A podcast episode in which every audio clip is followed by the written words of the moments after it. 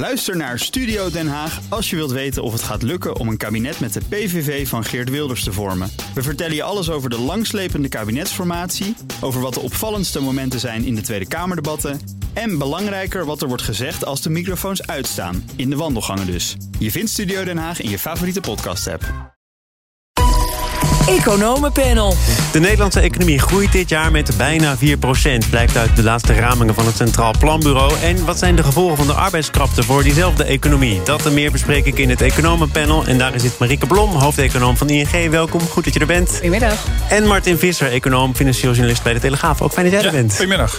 Laten we beginnen met dat herstel van de Nederlandse economie. Uh, daar is uh, zeer zeker sprake van, blijkt uit de laatste ramingen van het Centraal Planbureau. Pieter Hazekamp, directeur van het CPB, was vorige week ook kort in dit programma te gast en hij zei het volgende. Ja, het zijn hele mooie cijfers en we baseren ons natuurlijk vooral ook op uh, de inzichten van het CBS hè, over uh, hoe het uh, de eerste helft van het jaar ging. En dat is beter dan, dan verwacht. En je ziet eigenlijk dat ja, eigenlijk veel sectoren in de Nederlandse economie toch goed de coronaperiode hebben, hebben doorstaan. Er zijn natuurlijk ook uitzonderingen, de, de cultuursector, evenementen, toerisme. Maar bijvoorbeeld de industrie en de exportsector, die hebben het echt heel erg goed gedaan. Marieke, is het allemaal conform jouw verwachtingen of zat er nog iets in wat jou verbaasde? Ja, nou, daar moet ik eigenlijk eerlijk in zijn. Als ik afgelopen vrijdag, toen had ik inderdaad die CBS-cijfers van de dinsdag daarvoor al gezien. En die waren hartstikke goed. Dus op dat moment was het in lijn met mijn verwachtingen. Als ik een half jaar geleden, als ik daar naartoe terug ga. En, we zaten net in die keiharde lockdown. Nou, toen was ik echt heel erg zorgelijk over hoe dit jaar zou uitpakken. En toen hadden wij een groei verwacht die misschien rond de helft zou liggen van, uh, van wat we nu zien. Dus ja, in die zin uh, is het ook wel echt verrassend hoeveel veerkracht we zien. En hoe komt het dat het zoveel hoger uitpakt? Nou, zoveel hoger is dus echt, het is eigenlijk geleidelijk aan het beeld beter geworden. Dus wat we gedurende uh, het jaar hebben gezien, is dat uh, bedrijven toch redelijk door zijn gegaan met investeren. Dat consumenten eigenlijk vrij snel de portemonnee weer zijn gaan trekken. Dat de export ook weer goed is aangetrokken. En dat alles bij elkaar maakt dan dat je, dat je de economie toch wel zo ziet herstellen. Dat we eigenlijk verwachten dat die, dat die dit kwartaal, misschien begin volgend kwartaal, weer de omvang heeft van van eind 2019. Dan zijn er heel veel goede cijfers te melden. Eh, zeker afgelopen vrijdag door het CPB. Het FD, ja, iemand moeten doen, pikte er dan weer iets anders uit. Namelijk een misgelopen groei van 12 miljard. Ja. Door die coronacrisis de afgelopen periode. Structureel anderhalf procent lager, uh, structureel anderhalf procent van het BBP. Daardoor ook een permanent lager welvaartsniveau. Is dat tegelijkertijd ook waar? Nee, natuurlijk, dat is zeker waar. Ik bedoel, het, het moment waarop we terug zijn op het niveau van voor de coronacrisis komt veel eerder dan, dan in welke raming dan ook. Maar het is niet zo, zoals het er nu uitziet, is dat we ook weer goed maken wat we in die anderhalf jaar verloren hebben. Nou, dat zullen ondernemers die getroffen zijn door de lockdowns, eh, die, kunnen zich daar alles bij voorstellen. Allerlei misgelopen omzetten. Ja, dat is wel iets aan inhaalvraag. Uh, maar de kappers, de restauranthouders en dergelijke, die halen natuurlijk nooit meer al die schade in die ze hebben geleden. Dus zeker, dat is waar. En dan is de vervolgvraag voor de komende jaren: um, pakken we echt de draad weer op? Waar we gebleven waren uh, eind 2019. Ja, of, of zal corona in de komende tijd een dermate verstorende factor blijven... dat het ook iets van die structurele groei voor de komwende jaren afknippelt. Dat weten we gewoon domweg nog niet. Nou, wat is jouw voorlopige antwoord? Nou ja, uh, wat natuurlijk nu met die Delta-variant... die zo onwaarschijnlijk besmettelijk is... en ook allerlei gevaccineerden besmet... niet heftig ziek maakt, maar wel besmet... Uh, zie je dat allerlei regeringen, ook in Nederland... natuurlijk in een enorme dilemma zitten van... hoe gaan we hier nu mee om? En als dat betekent dat er toch weer allerlei beperkende maatregelen gewoon echt op de plank blijven liggen en zo nu en dan uit de kast worden getrokken, uh, ja, dan heeft dat dus effect op, uh, op de economie. En daar ziet het nu wel naar uit. Ja. ja. Een tijdje terug kwam iedere serieus te nemen instantie dan met verschillende scenario's. Basisscenario's, het kon vriezen, het kon dooien. Je ziet nu toch dat ze tot één scenario komen, maar dan wel zeggen: corona blijft een onberekenbare factor. En dat is dus zo. Ja, dat heeft vooral een beetje met de werkwijze van het Centraal okay. Planbureau te maken. Ze hebben in een eerdere fase wel scenario's gemaakt. Maar dit zijn echt de cijfertjes die eh, de begrotingsonderhandelingen ingaan voor Prinsjesdag. Ja, en het kabinet wil gewoon één cijfer voor de economische groei en niet uh, vier scenario's. Want dan kan het kabinet ook niet meer uit de voeten. Want die werkt ook eigenlijk niet echt met scenario's. Dus ze gaan allemaal uit van een soort, soort basisscenario. Ja, en dan krijg je het kan vriezen, het kan dooien. Uh, het kan alle kanten op. En die onzekerheid, daar moet je dan ook in je beleid rekening mee houden. Nou, dat wilde ik wel aan jullie vragen, want dat is ook uh, wel duidelijk geworden afgelopen vrijdag. Deze ramingen zijn dan toch de basis voor Prinsjesdag. Daar gaat het kabinet mee aan de slag. Wat kan of moet het kabinet nu met deze cijfers, Marieke? Nou ja, kijk, eigenlijk op korte termijn laat dit zien dat er, dat er niet zoveel bijgestuurd hoeft te worden om de economie weer een beetje zijn groeitempo te laten hervatten. Ik denk dat een hele belangrijke opdracht is waar we het net over hadden, namelijk zoveel mogelijk, ook al is dat heel erg moeilijk, helderheid geven over wat gaan we doen als. en dan niet economische scenario's maken, maar een kabinet wat zegt van nou ja, deze en deze maatregelen overwegen wij nog. Eh, eh, ik noem maar wat, een, een harde lockdown eh, voor scholen doen we onder geen enkele omstandigheid meer. Ik, helderheid daarover is heel erg belangrijk, denk ik. Maar op korte termijn vraagt dit niet zo heel erg veel van het kabinet. Hè. En het risico is eigenlijk dat daardoor de formatie lang gaat duren, want we hebben geen haast. Daardoor? We hebben de verklaring voor die langlopende nou, formatie. Ik denk dat er nog wel wat meer verklaringen zijn. Ja, laten we daar maar eerlijk over zijn. Maar het is in ieder geval, er is geen. Hè, zeg maar, wat, in het begin van het jaar was het gevoel nog van, nou moet snel een herstelplan komen. Hè. En ik bedoel, daarvan zien we nu, nou, puur op economische gronden zou je dat niet zo snel zeggen. Maar je wilt natuurlijk wel heel snel weten: wat gaan we met klimaat doen? Wat gaan we met de woningmarkt doen? Wat gaan we met de arbeidsmarkt doen? Ja, en het risico is dat, dat omdat de urgentie er een beetje van af is, dat ja, die formatie wat langer mag kwakkelen. Maar dus geen herstelplan. Wat natuurlijk nog wel zou kunnen is... als die Delta-variant eh, echt eh, van zich laat horen... en Nederland weer in zijn greep krijgt... wat doe je dan met de nu nog lopende programma's... waarvan nu gezegd wordt... die gaan we dit najaar uh, afronden? Ja, Daar komt een einde aan. Ja, zeker. En dan, en dan, kan je eigenlijk op, dan moet je eigenlijk ook weer een visie hebben op wat je verwacht van het virus. Verwacht je dan eigenlijk dat het virus, ik noem maar wat, dat we dan nu de echte allerlaatste fase hebben dat we met dat virus leven? Dan is het nog een tijdelijke situatie. Of verwacht je dat we dit winter na winter na winter gaan krijgen? En dan is er eigenlijk minder argument om steun te geven aan die bedrijven die in dat soort omstandigheden toch langjarig geen perspectief hebben. Want ja, die zijn dan simpelweg niet in staat om door te draaien. Kun je er nog over nadenken of je ze wilt compenseren voor dit onverwachte ondernemersrisico. Maar dan heeft steun niet zoveel zin meer. Is hij tijdelijk, hè, is het echt de allerlaatste, ja, dan kun je nog steeds prima argumenten van stal halen om die, om die ondernemers dan in het zicht van de haven niet te laten vallen. Wat denk jij dat het eh, kabinet gaat meenemen van deze ramingen? Tot welk beleid gaat dat leiden? Nou, er zit in ieder geval met de praktische vraag van gaan we nog iets aan de koopkracht doen? Om even naar de portemonnee van de mensen te, te trekken. De koopkrachtplaatjes zijn voor volgend jaar voor bijna alle categorieën exact 0,0 procent. Dat is een wonderlijke. We komen van min 0,3 geloof ik. Hè? Ja, Toch een kleine bijstelling Het is een kleine verbetering. En uh, nu er meer financiële ruimte is voor het kabinet, zouden ze natuurlijk uh, kunnen besluiten om, uh, om her en der wat koopkrachtplusjes op de borden te toveren. Dat is echt een politieke afweging of ze dat wel of niet willen doen. Of dat ze het geld allemaal willen bewaren voor een volgend kabinet. waar ook al veel partijen staan te trappelen om miljarden uit te gaan geven. Dus dat is een, dat is een vraag. Ja, en verder ben ik het van harte met Marieke eens over. Um, ja, dat coronabeleid, hoe ziet het ernaar uit? En dat is bijna een onmogelijke vraag. En toch zal die vraag op een manier beantwoord moeten worden. Ik heb er alleen eerlijk gezegd weinig verwachtingen van. Want je ziet dat het kabinet het heel moeilijk vindt om daar analytisch mee om te gaan. Of dat op zijn minst de, de analyse te communiceren bij de laatste persconferentie van Rutte en Hugo de Jonge zei Mark Rutte wel, ja, die kwam met heel veel concrete maatregelen. Over 20 september misschien de anderhalve meter regel eraf. 1 november de nachtclubs weer, weer van start. Hele concrete dingen. Er, zijn, er zit nog een hele wereld achter. En die gaan we u ook vertellen. Nou, vervolgens kwam dat helemaal niet. Uh, en die wereld erachter, die willen we natuurlijk weten. Welke maatregelen uh, uh, ben je nog van plan om uit de kast te trekken, eventueel? Um, en waar ga je op sturen? Blijf je op ziekenhuisopname sturen? Ga je besmettingen sturen? Um, ja, daar moet wel helderheid over komen. en dan ben ik het helemaal mee eens. Dan moet je op een manier in een steunpakket dat, dat verdisconteren.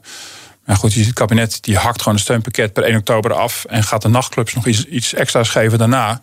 Ja, dat is allemaal niet heel, ja, niet heel precies en niet gebaseerd op een duidelijke economische analyse. En dat is wel, dat is wel zorgelijk, want ik denk dat ondernemers daar wel belang bij hebben om, om te weten van wat zijn de knoppen waaraan gedraaid kan worden en wat moet ik nu echt vanaf het najaar zelf op gaan lossen. Net kwamen die cijfers van het CBS over de arbeidsmarkt al heel kort ter sprake. Ik zag Pieter Hazekamp bij RTL Z zeggen.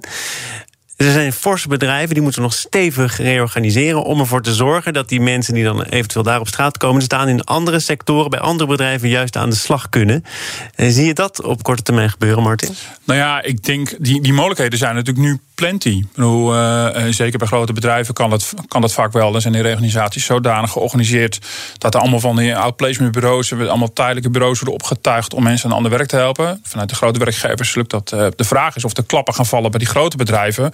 Of dat het juist de kleinere bedrijven zijn die ja, bij het beëindigen van de noodsteun op een gegeven moment toch tot de conclusie komen: het heeft geen zin om verder te gaan. Ja, dan is die overgang minder gemakkelijk. Maar goed, als je terugkijkt op de afgelopen anderhalf jaar... hadden we een enorm drama op de arbeidsmarkt verwacht. En dan heeft zich een soort wonder voltrokken. Uh, dat is natuurlijk ongekend. Ik bedoel, het is niet gezegd dat alle mensen die noodgedwongen moesten switchen... allemaal veel beter terecht zijn gekomen. Misschien hebben mensen langdurig, ZZP'ers, flexwerkers... Ja, nu afgelopen jaar, anderhalf jaar... genoeg moeten nemen met een, met een minder leuke job. Komt nog een klein klapje aan trouwens, om, als je het aan het ja, TPB vraagt. Of een, klein, over lagere salaris. Uh, ja, het is maar een heel klein klapje. Maar het staat tussen 3,5 3,6 procent... staat mijlenver af van het doemscenario's van 10 procent werkloosheid. Dus in die zin vangt de arbeidsmarkt al heel veel op. Ja. Ik las, ik weet niet of jullie het ook gelezen hebben... in de Volkskrant vorige week een column van Koen Hagens... over de mythe van de krapte op de arbeidsmarkt. Er is nog heel veel onbenut arbeidspotentieel.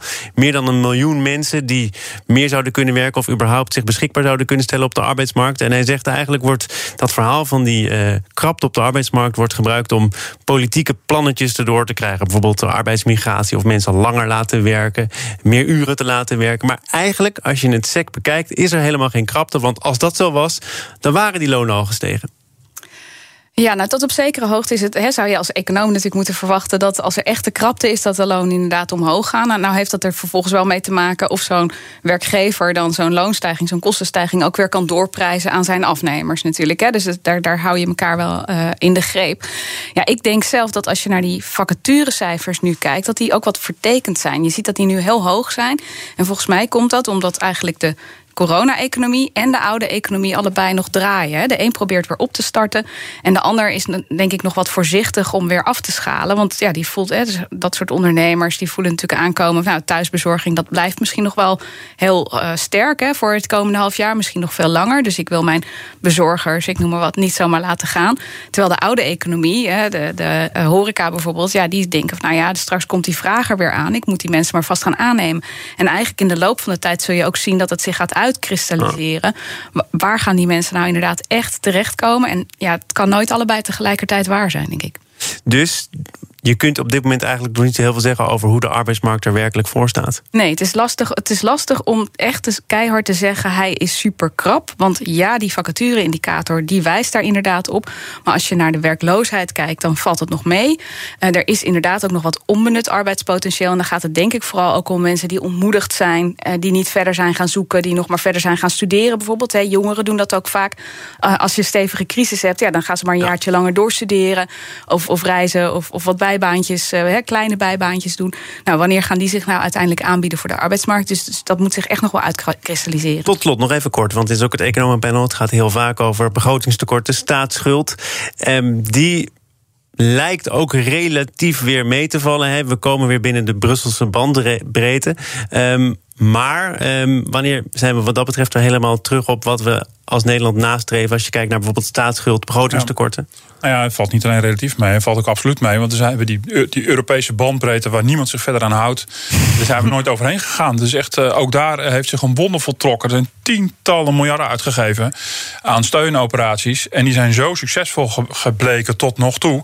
Um, dat ook de economie snel herstelt. Ja, en de schuld drukken we altijd uit als percentage van de totale economie. Ja, dan blijven we onder die magische grens van 60%. Nou, er zijn echt uh, heel veel landen, ook direct om ons heen. Echt niet alleen maar Griekenland, maar ook in Duitsland en Frankrijk, België. kunnen daar stinkend jaloers op zijn. Dus in die zin heeft een nieuw kabinet vrij veel armslag. En ik denk niet dat een nieuw kabinet er per se naar streeft om dat weer terug te brengen naar 45% waar we vandaan kwamen. Ik denk ook dat er nog niet per se reden voor is. Als de economie, uh, als de economie gewoon goed blijft draaien, als een nieuw kabinet structurele maatregelen neemt voor, nou, voor, uh, op het gebied van investeringen, innovatie, arbeidsmarkt, nou, al de thema's die, die Marieke ook net om, opnoemde. Uh, echt zinvolle investeringen en structurele hervormingen, uh, dan heb je gewoon een krachtige economie. En dan zou je zien dat jaar na jaar na jaar die staatsschuld vanzelf omlaag gaat. En dan zijn we weer klaar voor de volgende crisis. Nou, ik ben in ieder geval klaar voor het volgende onderwerp. Ik hoop jullie ook. BNR Nieuwsradio. Thomas van Zeil. En daarvoor ga ik met eh, Marieke Blom, hoofdeconoom bij ING... en Martin Visser, econoom en financieel journalist bij de Telegraaf... naar Amerika, want de notulen van de Fed zijn vorige week gepubliceerd... de laatste vergadering.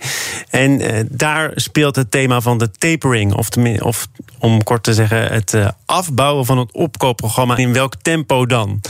Um, inmiddels begrijp ik dat er ook weer vetbestuurders zijn die ook kennis hebben genomen van die Delta-variant. En die zeggen: Nou, voordat we het over tapering gaan hebben, eerst eens even kijken hoe dit loopt. Wat zou jouw advies zijn voor de volgende vergadering? Ja, nou ja, eerst eventjes, wat zij dus hun doelstelling is volledige werkgelegenheid. Dat vinden zij belangrijk. En uh, door die uh, allerlei obligaties op te kopen, maken ze de rente wat lager. En ze hebben eigenlijk ook al wat discussie met elkaar van ja, helpt dat nou eigenlijk wel om volledige werkgelegenheid te creëren? Dus als wij dat opkoopprogramma voortzetten, helpt dat dan eigenlijk wel voor de doelstelling die wij hebben? En daarnaast heb je dus de vraag van ja, is het, gaat de Delta-variant niet eigenlijk roet in het eten gooien bij dat herstel richting volledige werkgelegenheid? Nou, dat is natuurlijk ook een beetje in de toekomst proberen te kijken. Dat kan ik eigenlijk net zo min als die centrale bankiers, die dus daardoor ook heel onzeker worden. Kijk, als wij, als je ons met het mes op de keel vraagt van wat verwacht je, dan zeggen we van nou, we hebben eigenlijk een heel goed juli-cijfer gehad van de arbeidsmarkt. Dat laat zien dat de beweging daarin toch eigenlijk heel gunstig is. En je zou verwachten dat als die Delta-variant niet al te veel roet in het eten gooit, dat je dan in oktober, november afbouw zou kunnen gaan zien van dat opkoopprogramma. En het voordeel daarvan voor die centrale bankiers is dat dan de lange rente wat gaat oplopen. En als zij nou volgend jaar een ander instrument van stal willen halen, de korte rente, dan krijgen ze daar ook weer ruimte voor. Een beetje een technisch verhaal, maar goed, mhm. dat, dat biedt ze daar wel wat ruimte voor. Tenzij natuurlijk inderdaad het allemaal toch anders gaat dan we nu hopen. En die Delta-variant het, eh, het hele, ja, eigenlijk toch relatief gunstige scenario eh, omverbt. Als je kijkt naar die laatste arbeidsmarktcijfers eh, uit Amerika, dan zijn die relatief gunstig. Maar als je het vergelijkt met de situatie van voor corona, dan zijn er nog altijd, en dat is makkelijk gezegd in Amerika, maar miljoenen Amerikanen die nu niet werken, die voorheen wel werkten. Dus wanneer is dan het moment daar dat je zegt de arbeidsmarkt toont dermate veel tekenen van herstel dat we inderdaad ons beleid gaan wijzigen? Als dat een belangrijk uitgangspunt is, namelijk die volledige werkgelegenheid. Ja, nou ja, goed. Het is dus inderdaad een beweging daar naartoe. En dat afbouwen is natuurlijk ook niet opeens helemaal afbouwen. Het gaat wel over het tempo van dat afbouwen, toch? Er zijn mensen die daar toch wat ambitieuzer in zijn. Die zeggen nee, maar we moeten nu ook in grote stappen proberen om dat afbouwen vorm te geven. Ja, en dat heeft er ook mee te maken dat dat vaak dan de beslissers zijn die eigenlijk niet echt geloven dat dat opkoopbeleid weer een positieve invloed heeft op de groei van de werkgelegenheid. Want die zeggen van ja, die groei van die werkgelegenheid moet eigenlijk van hele andere factoren komen. Bijvoorbeeld van het overheidsbeleid, hè, van de uh, ja, zeg maar budgettaire stimulering. er zijn ook vrij grote plannen voor, toch? Ja, zeker. Nee, zeker. Dus eh, die zijn wat afgezwakt. Hè. Bedoel, Biden had een heel groot plan neergezet en dat wordt ietsje minder sterk. Het is nu een gewoon heel groot plan. Ja, zeker. Zeker, zeker. En dus de, dus de beweging van de Amerikaanse economie uh, naar volledig herstel gaat echt heel rap. Hè. En, en, Nederland is een van de voorlopers met het herstel in Europa. Maar wij sukkelen, nou sukkelen, dat is ook niet helemaal het goede woord. Maar wij lopen daarbij nog steeds wel achter dat tempo van de Verenigde Staten aan. Waar, waar de economie in de basis ook nog minder hard geraakt was hè, dan in Nederland. Als, als de vet uh, tot een. Uh volgende stap overgaat, volgt dan sukkelende daarachteraan de ECB uiteindelijk? Nou, sukkelend wel, maar er kan soms heel veel tijd tussen zitten. Want dat hebben we namelijk bij, eh, bij de, de vorige keer gezien dat deze discussie werd gevoerd. Want natuurlijk na de, de, de, bankencrisis en de eurocrisis uh, werd natuurlijk ook besloten om eh, massaal staatsobligaties op te kopen. Uh, eerst door de Fed en pas veel later door de Europese Centrale Bank. En je zag ook dat de exit-strategie door de Fed veel eerder werd ingezet dan, dan de ECB. De discussies zijn natuurlijk wel hetzelfde. Ook binnen de ECB-bestuur zal in september natuurlijk een discussie zijn. Gaan we beginnen met de afbouw. Met de Delta-variant hebben de, de duiven in dat bestuur... die heilig geloven in het voortdurend stimuleren van de economie... een perfecte kaart in de handen om die discussie maar voortdurend door te schuiven. Um, terwijl ook inderdaad... Waardoor een soort noodmaatregel plotseling toch een tamelijk permanent karakter zeker. Nou ja, wat je natuurlijk ziet is dat uh, inmiddels in centrale bankenland... is het, is, is het, het opkopen van obligaties een soort wondermiddel... voor elke vorm van crisis. Ik bedoel, het wordt altijd maar weer uit de kast getrokken. Dus dan creëer je ook een soort van verslaving van de markten... en van de economie daaraan. Terwijl de effectiviteit in toenemende mate ter discussie wordt gesteld. Um, echt niet alleen door mensen die van meet al tegen waren. Maar bijvoorbeeld in Nederland zijn er bijna geen economen meer te vinden. die heel erg geloven in, in, in het effect van, van deze maatregel voor de Europese economie. Als je dit langzaam gaat afbouwen, dan moet dat heel behoedzaam. Hè? Dan moet je mensen toch wel drie, vier, vijf keer informeren dat je het eventueel van plan bent. Het gaat ook niet zozeer om dat je er meteen morgen mee moet stoppen. Het gaat erom dat je uh, begrijpt begrijpt van de crisis loopt ten einde. En misschien uh, wat minder uh, enthousiast dan we hadden gehoopt door die Delta-variant. Die als een irritante mug toch een beetje zo blijft zoomen en zijn impact blijft houden en blijft irriteren. Dat is wat anders dan totale lockdowns en economie op slot gooien.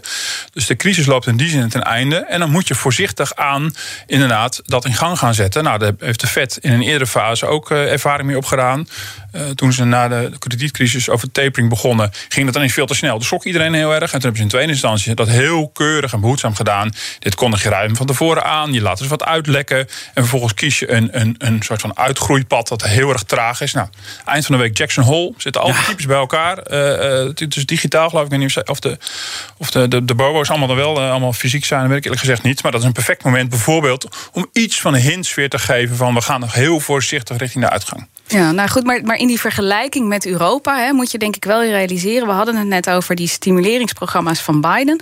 Die stopt gewoon heel veel extra geld vanuit zijn begroting in de economie. En dat maakt het vervolgens voor die centrale bankiers ook weer een stuk makkelijker om de rente op een gegeven moment wat te laten oplopen. Ja, Omdat het ergens anders wel gerepareerd wordt. Ja, dus zeg maar, je hebt eigenlijk twee instrumenten. Je hebt je monetaire beleid en je hebt je budgettaire beleid. Nou, en omdat de Amerikaanse president dat budgettaire beleid zo stevig inzet, kan het monetaire beleid ook een stapje terug doen. En wat je in Europa ziet, is dat wij het erg lastig vinden met elkaar. We hebben dat herstelfonds.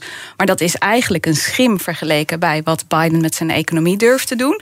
Uh, uh, afspraken voor de toekomst, nou, dat moeten we nog maar zien. Hè. Er zijn ook mensen van zijn eigen politieke kleur die zeggen: Goh, Joe, je gaat hier wel heel erg ver. Zeker, zeker. Maar zij, zeg maar zij kiezen voor een extreem. Ik denk, we hebben het net over Nederland gehad, waarbij we gezien hebben dat door eigenlijk stevig de portemonnee te durven trekken, we vervolgens een resultaat hebben voor de economie en voor de overheidsfinanciën, waarvan we denken: hey, dat is toch eigenlijk wel een hele goede werkende combinatie. Een andere fase. Hè? Wij gebruiken dat in de, in de steunfase, zeg maar, in de crisisfase.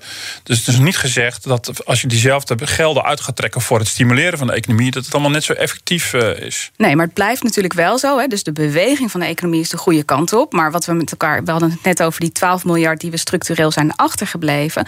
Dat is eigenlijk een indicator waarmee je kan zien, ja, maar we zitten nog steeds wel onder wat we potentieel kunnen. We kunnen nog een verdere inhaalslag maken.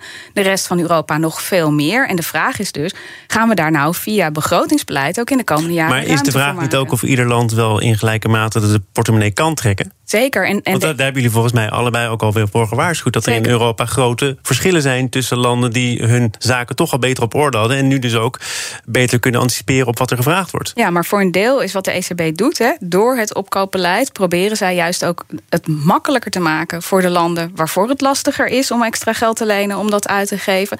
Om die verschillen een beetje te dempen. Hè. Want zij kopen die staatsobligaties op van juist bijvoorbeeld die zuidelijke landen. Daardoor blijft de rente voor hen laag. En is het nog mogelijk überhaupt om extra geld uit te geven en om dat in de economie te stoppen. Martin, jij wijst op het feit dat er wel sprake is van een andere fase. Jij vraagt je dus wel af of de portemonnee trekken om de economie verder te stimuleren wel de gewenste effecten heeft? Nou ja, dat vraagt me inderdaad ten zeerste af. Bedoel, uh, zeker de ECB zorgt ervoor dat voor Italië staatsschuld bijna gratis is. Um, maar dat betekent niet automatisch dat het geld dat, dat Italië leent dus ook zinvol wordt besteed. Nou, er zijn toch allemaal voorwaarden aan verbonden? Uh, nou, niet, niet, uh, niet de voorwaarden die de ECB stelt. Die zorgt gewoon voor een lage rente. En dan ben je als overheid vrij om te doen wat je wil. Vervolgens inderdaad het geld wat je uit Brussel kan ophalen, wat Italië ophaalt, er zijn allerlei voorwaarden verbonden. Die voorwaarden zijn zo streng dat alle ministers van Financiën unisono laaiend enthousiast zijn over nagenoeg alle plannen. We kunnen toch aan de nood gaan trekken? Is een magisch moment dat alle regeringen tegelijkertijd alleen maar goede plannen indient. Ja, ik ben er heel sceptisch en uh, wat pessimistisch over dat dat geld allemaal goed besteed gaat worden. En dat is ook niet per definitie de enige, eh, de enige oplossing. Dus moet eerlijk gezegd, Mario Draghi, premier van Italië, heeft ook al hervormingsplannen. Nou, kijk, als dat nou gelijk opgaat en dat gaat ook eindelijk eens een keer lukken, dan zou je een goede einduitkomst hebben. Maar het gevaar is altijd dat het geld wel wordt uitgegeven, maar het versterken van de economie, eh, dat dat toch wat ingewikkelder blijft. Wil jij de reserve van Martin tot slot? nee, ik dacht eigenlijk net dat hij zeg maar het glas half vol ging denken. En ik ben toch iets meer van dat halfvolle glas. Ik denk dat de komst van Draghi echt een enorme verandering betekent voor Italië. En ik denk dat we daar ook best wel wat hoopvoller naar mogen kijken. En, en dat dat hartstikke goed zou zijn. En voor het land en voor Europa als zij dat inderdaad waar weten te maken. En ik heb daar best vertrouwen in. Ik zou het wel missen hoor, Italië als vast onderwerp in het economenpanel. Nou, nou, wees me niet bang hoor. Martin Visser, econoom en financieel journalist bij de Telegraaf. En Marieke Blom, heeft de hoofdeconoom bij ING. Dank voor jullie komst. Zometeen dan is mijn zakenpartner van deze week er. En gaan we weer ondernemen in Duitsland. Eh, in voorbeschouwing op de verkiezingen daar eind september. 26 september dan wordt Angela Merkel toch daadwerkelijk opgevolgd door wie? Niemand die het Ook Thomas van Zeil vind je in de BNR-app. Je kunt live naar mij luisteren in Zaken doen. De BNR-app met breaking news. Het laatste zakelijke nieuws. En je vindt er alle BNR-podcasts. Bijvoorbeeld Het Nieuwe Geld. Download nu de gratis BNR-app en blijf scherp.